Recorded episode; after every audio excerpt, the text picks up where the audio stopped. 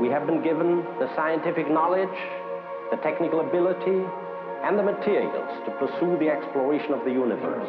Vitenselskapet. Stedet der vitenskap møter underholdning. Ignition sequence.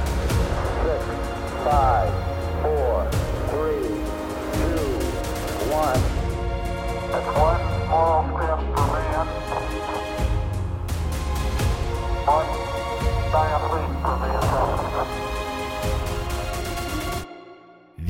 Vitenselskapet. På Radio Nova. Kan katter drepe? Hva er det som skjer med oss hvis vi får i oss nervegift? Og kan man dø av allergi?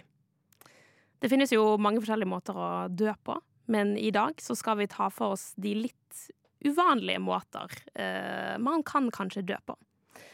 Med meg i studio så har jeg med meg Carl Adamskvam. Og Kristin Grydland. Og hva tror dere? Tror du man kan dø av eh, Kan en katt drepe oss? Ja, det skal vi finne ut, av. Det skal vi finne ut av. Eh, Jeg heter eh, Anna Vik Rødseth, og du hører på Vitenselskapet.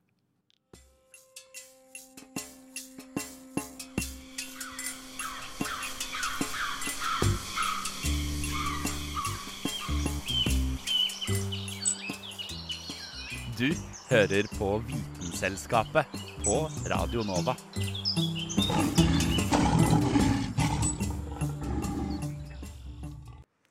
Ja, da vi begynte å diskutere denne her sendingen, så kom altså uvanlige måter å dø på. Så var, tok det ikke lang tid før vi kom innom eh, diskusjonen om um, om en katt kan drepe oss mennesker.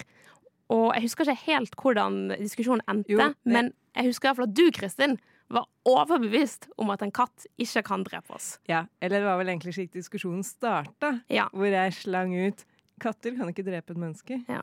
Og så møtte jeg så mye motstand på det. Ja, fordi jeg mener jo at uh, egentlig Du kan jo egentlig dø av alt. Det kommer bare an på mengden. Altså mengden katter, mengden nervegift, mengden vann, altså hva det måtte være. Du kan dø av alt. Ja, eh, du har jo for så vidt et poeng. Eh, og katter er jo egentlig stammer jo fra store kattedyr, tigre og løver og sånn. Det er ikke noen tvil om at de kan drepe oss mennesker. Men her var det jo da snakk om en vanlig huskatt. Eh, og om for eksempel Eh, som det ble nevnt tidligere, eh, hvis mange nok huskatter går til angrep på et menneske, eh, kan det da drepe et menneske? Det er det jo ikke noe tvil om. De er små drapsmaskiner. Mm.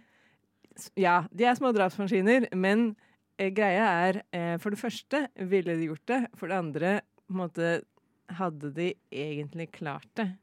Eh, det er jo ikke sånn at huskatter jakter sånn i flokk 30 stykker av gangen. Eh, og, og jeg prøvde å gjøre litt research på det her, da. Og det viser seg jo, selvfølgelig, at jeg har jo helt rett. Det, jeg fant ingen saker hvor en katt har drept et menneske. Men vi fant jo seinere på dagen, da vi hadde redaksjonsmøte, at det var en, et menneske som hadde blitt drept av at en katt hadde ligget oppå vedkommende. Ja. Eh, Men her mener jeg at eh, man går vel litt ut av den der definisjonen som jeg hadde i mitt hode da når jeg påsto at katter ikke dreper mennesker. For da mener jeg jo katter dreper ikke mennesker ved å bite eller klore dem i hjel. Men det fins historier hvor katter har drept mennesker på andre måter. Eh, først og fremst da sånn nyfødte barn. Ja. Så ikke store mennesker, men veldig små mennesker. Så egentlig ikke et ordentlig menneske helt ennå. Kontroversielt. Kontroversielt. kontroversielt. Eh, vi hopper litt over den diskusjonen. Det fikk, kan vi spare til et annet eh, program. Men det har altså vært noen hendelser med katter som da kveler nyfødte barn ved å legge seg oppå dem. Legge seg opp ansiktet Jeg vet ikke hvorfor du ler, Men Anna. det er bare Det er så tragisk. Det er liksom Ja. Du har fått et nyfødt baby, og så har du en katt, og så legger katten seg oppå babyen, og så blir han kvalt med kjærlighet, da, omtrent. Det har jo faktisk gått så langt som at eh, det har dannet seg en slags myte rundt dette her. Eh, en, jeg vet ikke hvor utbredt den myten er, jeg hadde ikke hørt om den før.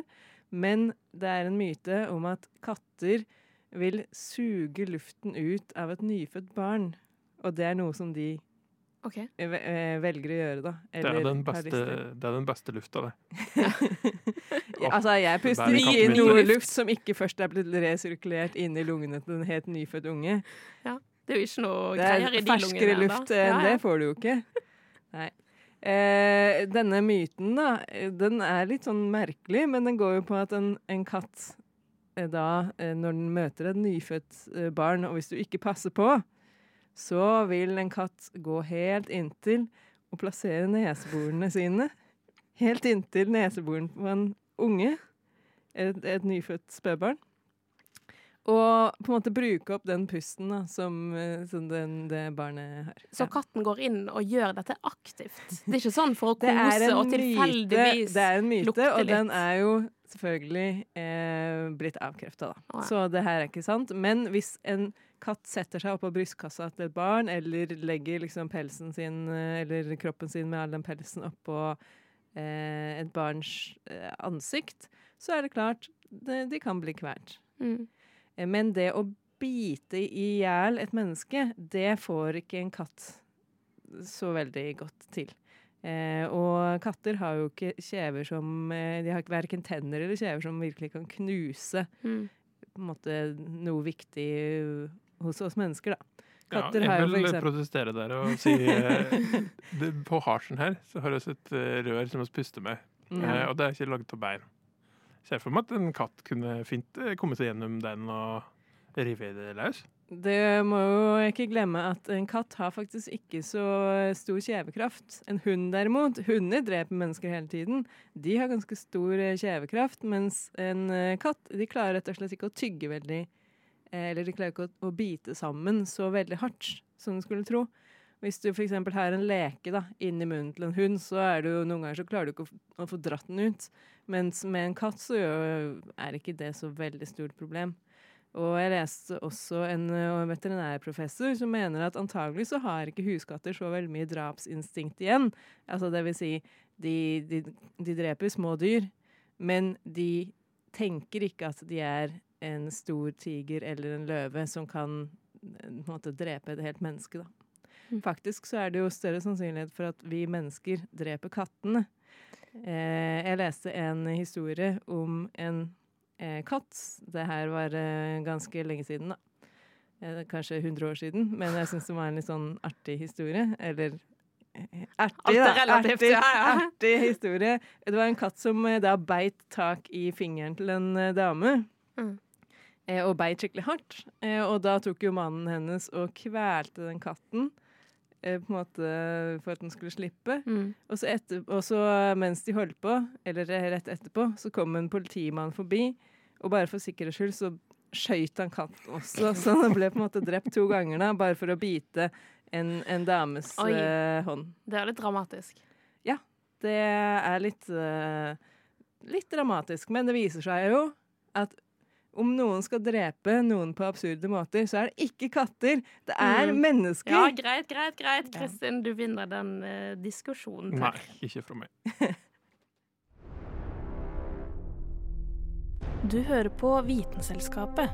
Tirsdager klokken ti til halv 11 på Radio Nova.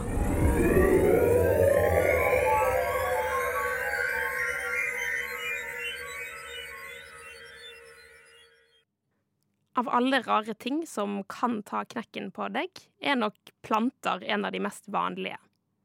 Det er jo godt kjent at man ikke skal spise vekster man ikke kjenner til der ute i skogen. Men hva hvis du bare samlet alle de farlige plantene på ett og samme sted?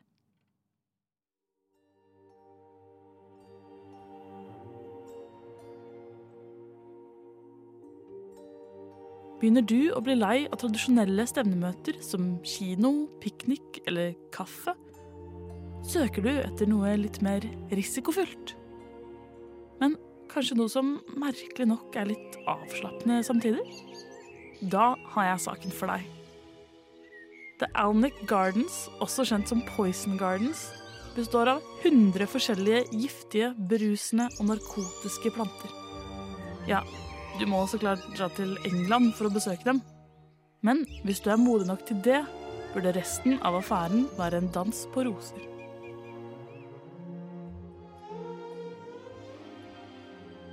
Mange av plantene som er å finne i denne hagen, er helt vanlige vekster du mest sannsynlig finner i hvilken som helst hage i Norge. En av disse er gullrein, som er en slekt i ertblomstfamilien.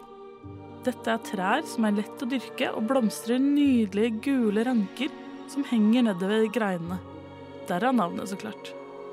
Denne planten er ikke så farlig å bare ha i hagen, men for barn eller kjæledyr er nok risikoen litt større. Treet er såpass giftig at hvis en hund plukker opp en av greinene fra bakken, kan den bli svært syk og dø på noen timer, selv hvis greinen har ligget og råtnet i flere måneder. The Poison Gardens er også hjem til flere vakre blomster, som f.eks. tyrehjelm. eller wolfsbane, som kommer fra samme slekt som vår uskyldige smørblomst. Denne hvite til blålilla blomsten vokser i hengende hjelmer fra én stilk. Det engelske navnet wolfsbane kommer av at det tidligere ble brukt til å forgifte ulver. Da dyppet man pilspisser i en salve av tyrehjelm for å akselerere jaktprosessen. Det er det giftige alkaloide lapakonitin som gjør planten så farlig. Hvis du er heldig nok og får det i deg, kan du bli rammet av kvalme, lammelser eller i verste fall døden selv.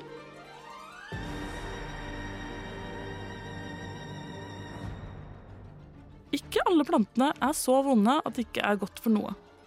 Et av de mest vanlige trærne i England, barlind, er et pent, grønt bartre med røde, runde frukter som ligner litt på rødlige oliven. Ikke bare er disse fruktene giftige, men det er også nålene og barken. Får du det i deg, kan du få hjerteproblemer, problemer med fordøyelsen og begynne å hyperventilere. Hvis du får i deg så lite som et eneste frø, er det sterkt anbefalt å ringe 113. Heldigvis er ikke dette treet bare truende. Det inneholder nemlig også stoffet plaxitaxel, som hemmer celledeling og brukes derfor mye til kreftbehandling. Et tre som kan drepe noen, kan altså også redde andre fra døden. Det er forbudt, forbudt å lukte, røre og så klart også å smake på plantene i den giftige hagen. Men det er fortsatt en håndfull gjester som faktisk besvimer hvert år bare av å puste inn dampen fra disse plantene. Og denne saken ble laget av Julianne Li Fjell.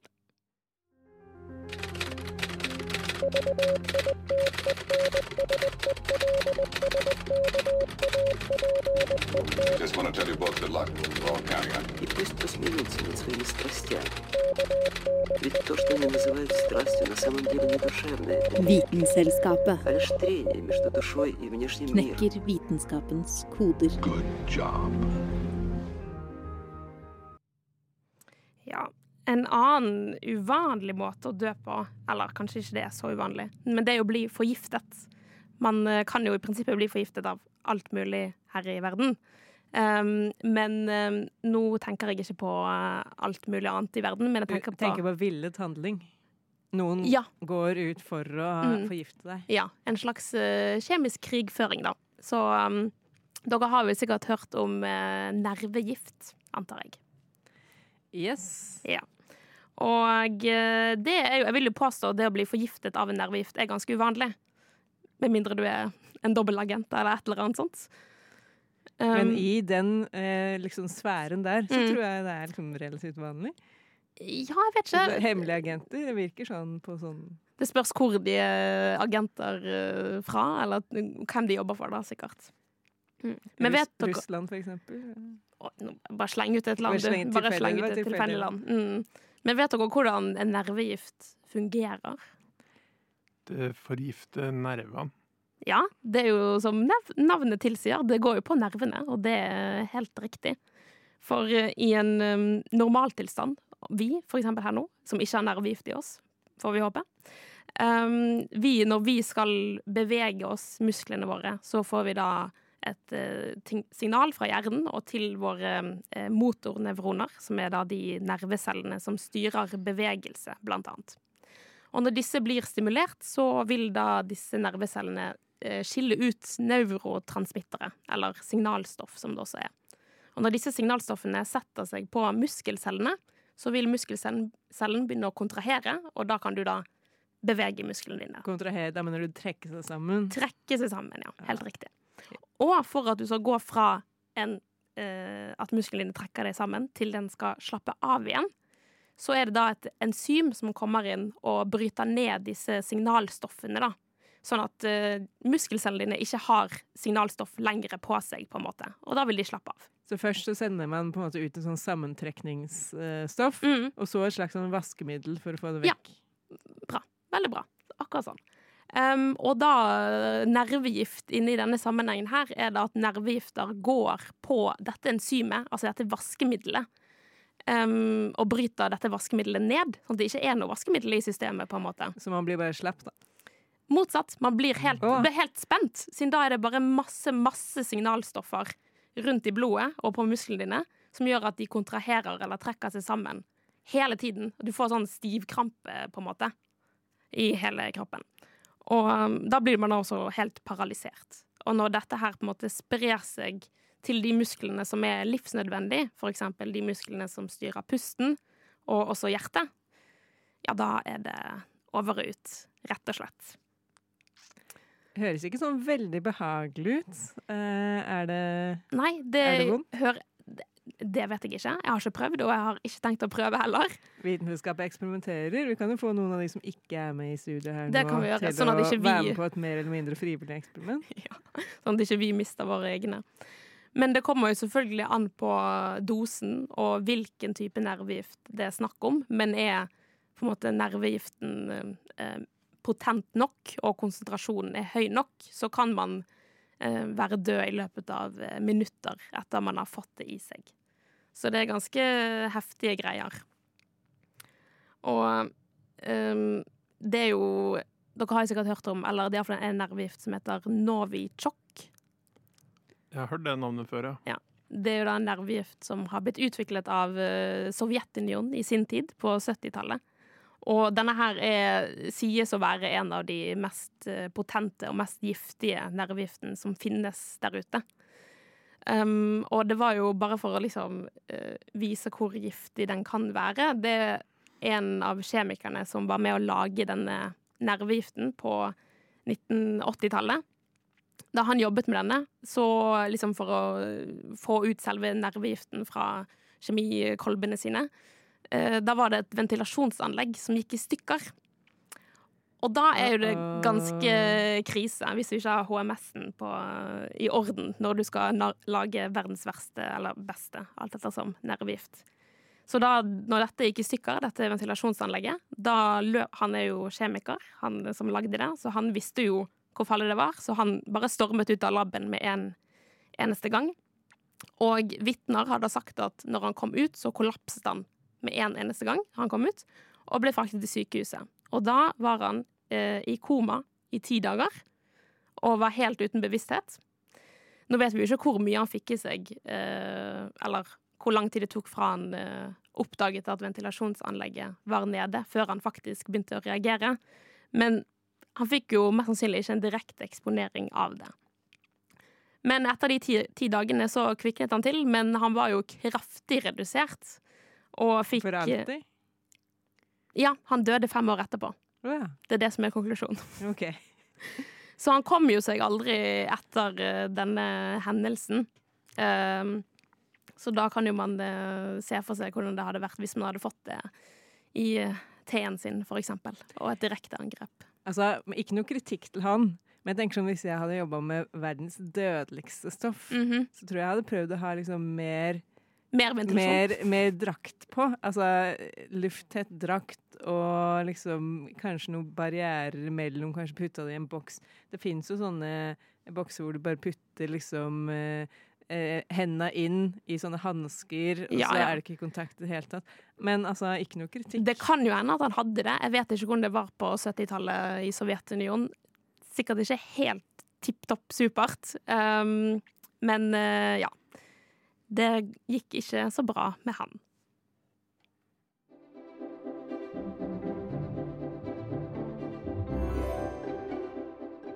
Ja, du hører helt riktig. Du hører på Vitenselskapet på Radio Nova.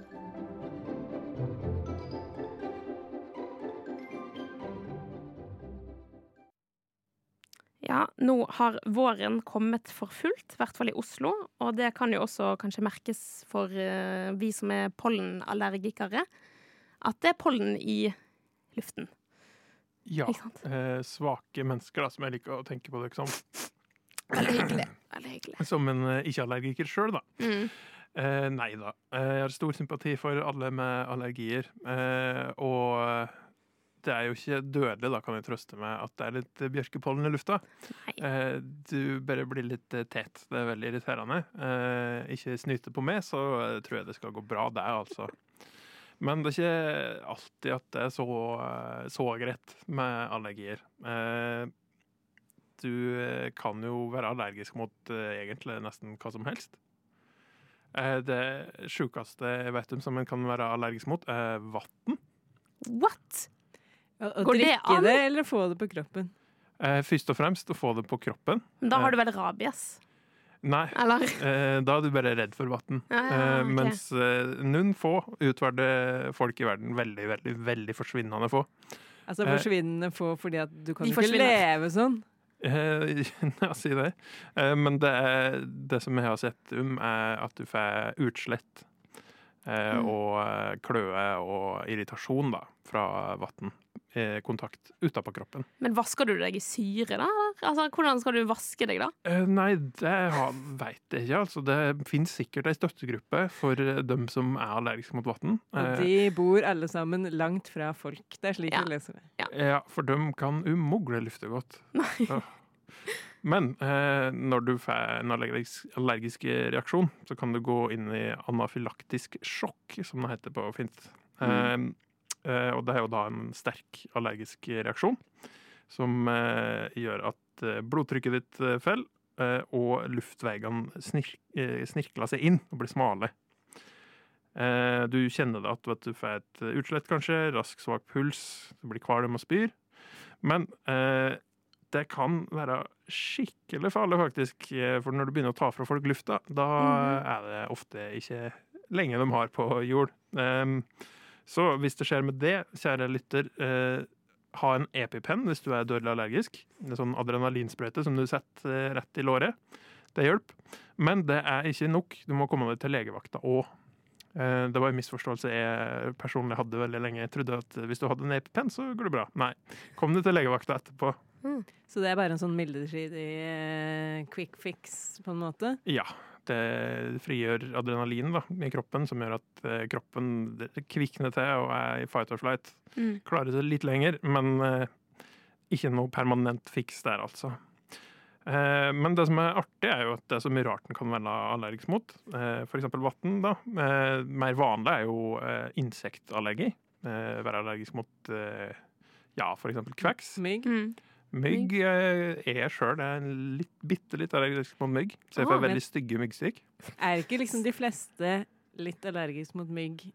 Altså, det er jo er vel en grunn til at de klør eh, de stikkene. Men er ikke det bare pga. giften de Ja, sprøyter du inn? eller? jo på giften. Ja, ja, men Blir det- en form for allergi, eller? eh? Det er et godt eh, Hvor går, spørsmål. hvor går på en måte skillet her? Ja, men eh, grensa mellom allergi og gift er jo at allergi er kroppen din som Mm. eh, angriper seg sjøl ved å reagere for hardt på noe utafor. Mens eh, når du får en gift i kroppen, så vil du jo måtte reagere. Og den grensa der kan nok eh, være vanskelig å dra, Mm. men eh, for det meste så er det jo når kroppen sjøl som klikker, da er du allergisk. Eh, og eh, du kan jo eh, være så uheldig at eh, det blander seg inn i sexlivet ditt. Uff da. Det var jo noen av de mer artige historiene jeg fant om allergi og dødsfall. er de virkelig artige, eller er de liksom artige for deg? Det er artig for oss som slapp å oppleve det, vil jeg si. Um, fordi det var ett tilfelle der eh, eh, ei dame plutselig var allergisk mot ektefellen sin sæd. Plutselig. Plutselig. Så ikke da de datet, men eh, etter de ble gift. Da var hun allergisk mot uh, sæden. Eh, Jeg tror ikke det hadde noe med giftermål å gjøre.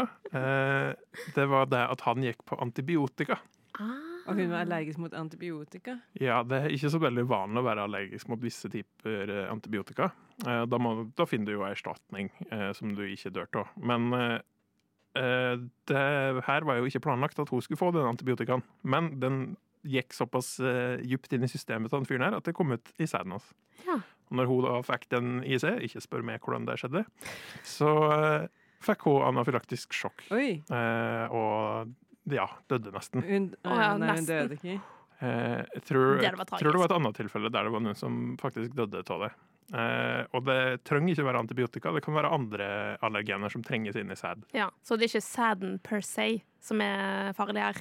Eller eventuelt farlig? Den er på en måte bare det som bærer transport det fram. til Ja, antigener, Det er liksom. sikkert noen som er allergisk mot selve sæden også.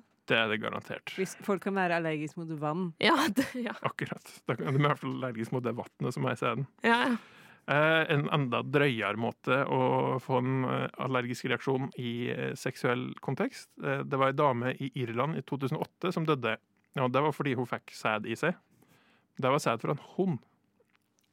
Og hun var, var hun allergisk mot, Mot hunder eller mot noe som hunden hadde spist. Eh, hun var allergisk mot hundesæd. Oi! Og, men vent litt. Eh, jeg føler at jeg, jeg, jeg stilte det feile spørsmålet. Nå kom jeg på Det var jo det var på en måte ikke det spørsmålet som jeg skulle stilt, da. Hvordan fikk hun i seg hundesæd? Med vilje. Fordi Og så tror jeg ikke jeg vil visste hun at hun mer. var Hun visste ikke at hun var allergisk, nei. Nei. Det var ikke et sjølmordsforsøk. Det var et, eh, et krumspring som Ja. eh, ikke er så veldig innafor. Men hun innrømte det? Hun Nei, døde jo! døde! Og så fant de i obduksjonen ut hva som hadde skjedd, da. Eh, så det, det jeg vil da si, postulere her, er at hvis det kan skje med en hund, så kan det òg skje med en katt. Ja! En katt kan drepe! Yes! Altså, vi men fikk ikke- Sirkelen slukket! Så lenge du har sex med den katten. Og er allergisk mot kattesæd.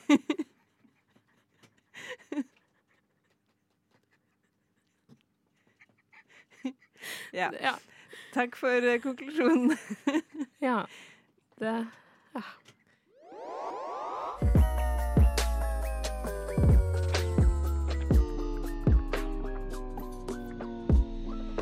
Vitenselskapet.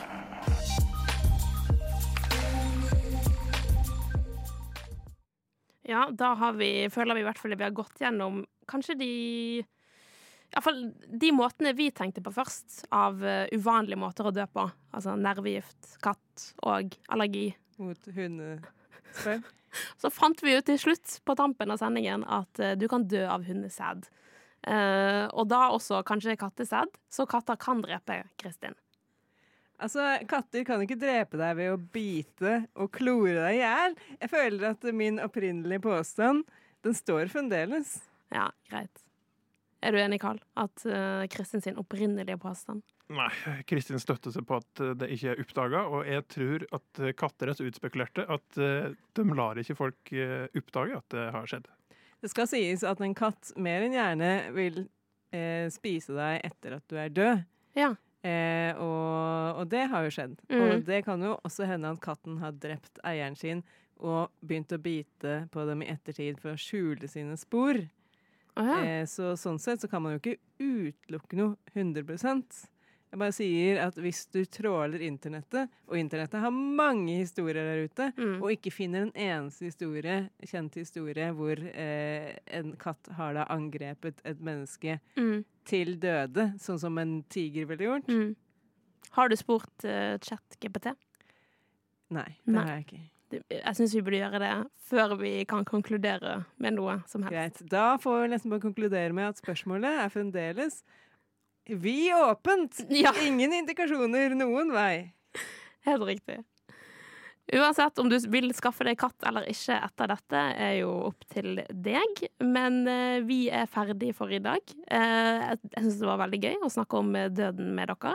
Eh, med meg i studio så hadde jeg Karl Adam Skvam. Og Kristin Grydeland. Og jeg heter eh, Anna Vik Rødseth, og vi snakkes neste uke.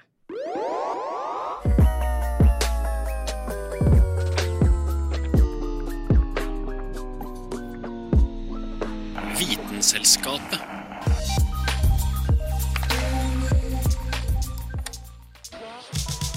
Radio Nova. Nova.